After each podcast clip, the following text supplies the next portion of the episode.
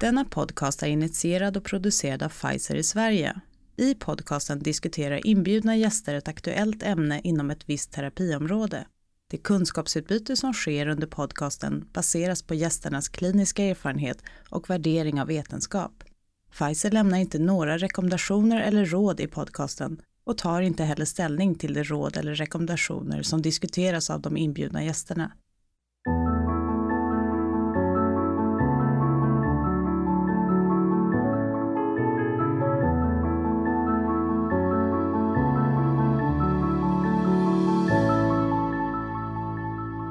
Hej! Angelo Modica heter jag och är medicinsk rådgivare på Pfizer inom hjärta-kärl. Idag har vi ett intressant ämne. Vi ska prata om idrottskardiologi och de nya riktlinjerna som eh, EC har gett ut i år. Och det är första gången EC ger ut riktlinjer om idrottskardiologi. Och vi har en expert med oss idag som har varit med och tagit fram dessa riktlinjer. Och det är professor Mats Börjesson som är överläkare på Sahlgrenska sjukhuset och chef på Center for Health and Performance i Göteborg. Varmt välkommen Mats! Tack! Det är ju första gången som jag förstår som EC har släppt ut liknande dylika guidelines eh, som vi ser nu. Ja, det stämmer. Eh, sektionen för idrottskardiologi eller sportskardiology har ju gett ut rekommendationer eh, sedan eh, 15 år tillbaka ungefär när det gäller screening, eh, tolkning och EKG hos idrottare och också eh, rekommendationer om idrottsdeltagande för individer med olika hjärtsjukdomar. Men detta är ju inte varit eh, i någon form, det har varit olika rekommendationer men inte eh, guidelines förrän nu. Så det är väldigt spännande. Ja, verkligen. Jag börjar läsa det med stort intresse, men det är ett dokument på 80 sidor, så det tar ju lite tid. Men du, Mats, kan inte du berätta för oss hur det här gick till? Eh, jag menar, det är många av eh, oss som aldrig har skrivit guidelines. Hur går det till egentligen? Ja, det är en bra fråga. Eh, det är viktigt också, tycker jag, att säga det att, att när vi startade samarbetet i Europa kring idrottskardiologi och det blev en sektion inom ESC kring detta så fanns det inte tillräckligt med evidens i olika studier för att kunna skriva några guidelines. Ehm, det kom olika former av eh, statements och sedan så småningom rekommendationer och de har vi uppdaterat och så vidare. Men eh, ett av grundkraven från ESCs håll är ju att det ska finnas tillräckligt mycket evidens för att man ska kunna eh, ja, bli föremål för ett, ett, ett, en guidelines.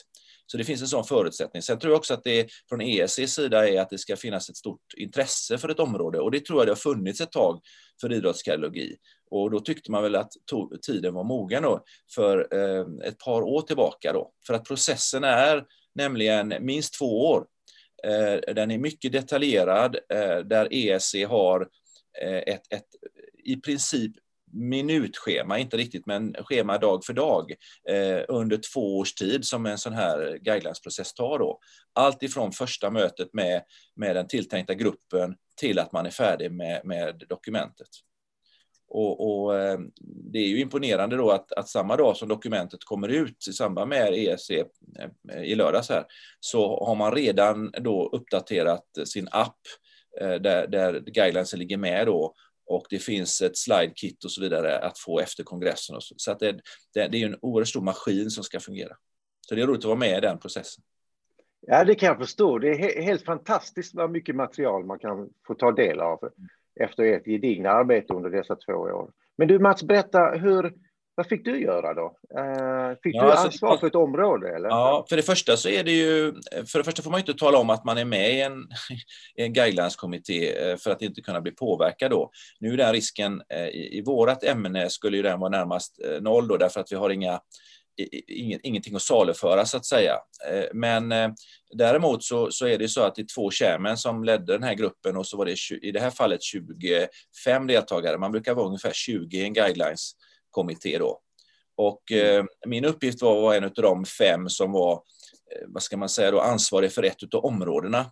Eh, under här och, och, då hade jag eh, i min grupp eh, fyra, fem författare då så att säga som jag skulle eh, styra och vara var med och, och, och eh, eh, jobba tillsammans med då för en del av guidelinesen. Så att eh, det tyngsta arbetet är ju definitivt de som är chairman för det hela, men även vi då som var så att säga, på mellannivå där har ju, drar ju ett tungt lass. Och sen förstå, som jag läste också så har ni någon slags guidance för guidance som ni följer. Ja, det finns alltså väldigt, upp, väldigt strikt upp, upp, upp, så uppstyrt ifrån ESC. Allt ifrån, som jag sa förut, timeline då, där man ligger flera år i förväg alltså, men också med planerade möten i storgrupp och i mindre grupper och jobb hemma vid och Skype-möten, men även fysiska möten då vid ett mm. antal tillfällen. Och då satt man ju tio timmar eh, kanske om dagen och liksom hamrade de här diskussionerna.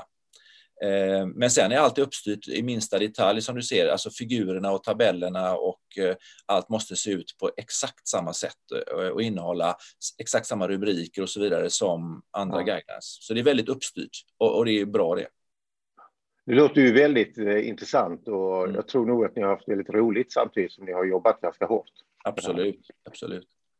Men du, en liten eh, detaljfråga då. När ni sitter där och, och evidensgraden är C, hur, hur kommer ni till något konsensus?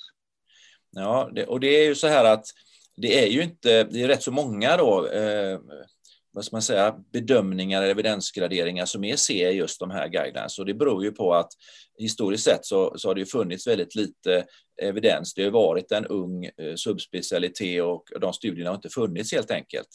Eh, men eh, allt eftersom man tyckte att det fanns tillräckligt för att skriva guidelines så är vi väldigt glada för det. Och då, då har ju även evidens C en väldigt stor betydelse. Och då blir ju då experterna inom Europa, inom det här området och även faktiskt några experter utanför Europa, amerikanare som har varit med, eh, så att man har fått en, en konsensus kring de svåra frågorna. Och det kan ju varit hårda och långa diskussioner där man då faktiskt, det finns också styrt hur man, hur man till och med har en omröstning då, det måste vara en viss procent som, som röstar på ett visst sätt och så. Så att eh, även det är uppstyrt. Och, eh, men det, kan, det är givande diskussioner, men har man inte evidensen så får man gå på expert opinion och erfarenhet då från de experterna som är med.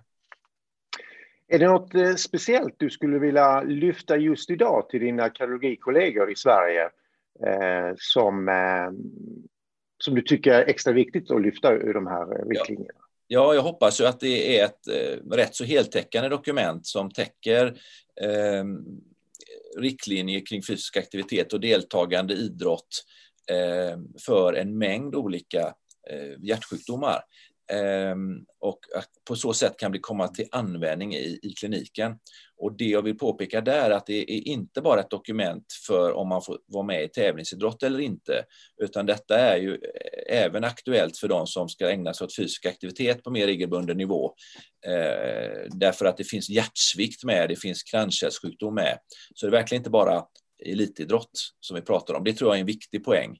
Och jag tror också att vi fyller ett, ett, ett behov eh, utav, eh, som man märker från kollegorna då som sysslar med allmän kardiologi eller, eller har de här typerna av patienterna, att, att det finns ett behov av att få, hur gör man i de här fallen då?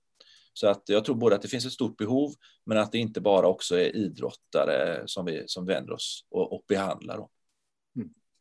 När jag läste inledningen, jag tyckte det var väldigt allmänbildande och eh, som en frisk eh, idrottande kardiolog så tycker jag att den tillför även information till mig själv personligen.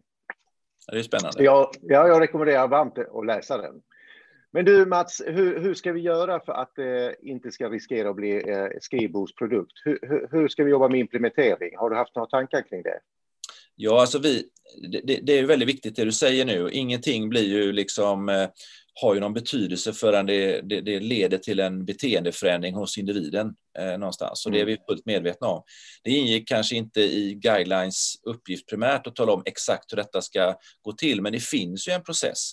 Eh, och det är där hela idén, tycker vi, med att det får så hög status som möjligt, det vill säga så många medaljer som möjligt på dokumentet. Är det en guidelines-dokument så kommer det att behandlas på ett annorlunda sätt. Det kommer tas upp i de, varje kalogförening i respektive land och det kommer att behandlas och, och, och tas in i kunskapsstyrningen till exempel i Sverige. Då. Ehm, det finns ju mängder av olika grupperingar som ägnar sig åt, åt olika eh, och skriver dokument och skriver utlåtanden. Ehm, men, men eh, inom kalogin så, så är det svårt att hitta något, något tyngre än ESCs guidelines. Då. Därför är vi väldigt glada att det har fått vara det. Ehm, och det har större möjlighet att slå igenom än, än vad andra rekommendationer har. Sen är det ju då att, att vi får ju jobba via kunskapsstyrningen och in med sådana här dokument. Det är ju precis sånt vi letar efter i, i kunskapsstyrningen. Jag sitter i ett sånt här RPO, mm. MPO själv för levnadsvanor då. Och vi vill ju ha de här typerna av dokument in va? för att kunna ta hänsyn till det i, i, i vården då. Så att två stycken och en sak till, att motivation till att vi jobbar med det här med våra patienter och att vi ger råd, det är ju ett av liksom, motivationen till att göra det är ju kunskap. Och vi tror mm. att ett sådant här dokument eh, både fyller ett behov och, och liksom ökar kunskapen då, så att motivationen ökar kanske hos oss själva att jobba med detta. För det är ju inte mm. bara dokument, utan det måste ner, ner på liksom golvet också, så för in det på våra mottagningar och, och, och, det är väl det som, jobbet som ska till nu ute på klinikerna då och behandla de diverse guidelines. Det är inte bara idrottskardiologi utan andra också. Men eh, jag, jag, jag, tror att det är väldigt viktigt att, eh, att det är just guidelines för det har ett symbolvärde då. Ja, och jag, jag, tror också det är klokt som du säger det här med kunskapsstyrning, att man får det även in där. Både att komma uppifrån organisationen och kunskapen kommer också till del ner i organisationen, mm. ute patientnära. Då. Mm. Är det något annat eh, som du skulle rekommendera under EC? Eh, e finns det något mer intressant inom kardiologi och sportsmedicin? Ja, det finns ju, jag tror att det är idag som, som det är ett symposium, och det går ju att titta i efterhand som sagt, där det är lite grann om fysisk aktivitet i samband med eh, njursvikt och, och, och, och cancersjukdom och eh, det finns i alla fall ett, ett, ett gediget symposium förutom guidelines på mötet då. Eh, och jag har faktiskt inte sett exakt när och tid och så, men eh, det, det, det, finns mer än, än guidelinesen i alla fall. ECs idrottskardiologisektioner är ju, sektionen är liten, men våra möten och våra föredrag drar ju ofta väldigt stor publik och ofta är det att, att det liksom inte lokalen räcker till. Eh, och det mm. visar ju att även om ämnet är litet så är det väldigt många kollegor som berörs utav de här typen av, alltså har de här patienterna, får de här frågorna, kan jag idrotta, mm. hur är det med flimret och, och, och, hur är det med min hjärtsvikt och kan jag springa det här loppet när jag är äldre och sådär. Så att eh, elitidrottarna är nog det lilla, men, men väldigt många kardiologer berörs av det här ämnet då. Därför brukar det ha stort intresse. Jo, men det har jag märkt. Vi har ju intervjuat andra kardiologer och eh, när de har fått lyfta någonting som de vill lyssna på så har det just varit de här eh, nya guidelines inom sportsmedicin. Mm. Så det är riktigt kul. Mats, jag tackar för din tid. Tack. Eh, och lycka till med eh, fortsatt övervakning av EEC Digital. Och ni som vill lyssna mer på Mats om just det här ämnet eh, idrottskardiologi, eh, särskilt fysisk aktivitet eller inaktivitet hos patienter med förmaksflimmer kan hitta en jättefin presentation om detta på eliquiz.se. Tack och hej så länge. Hej då Mats! Hej då!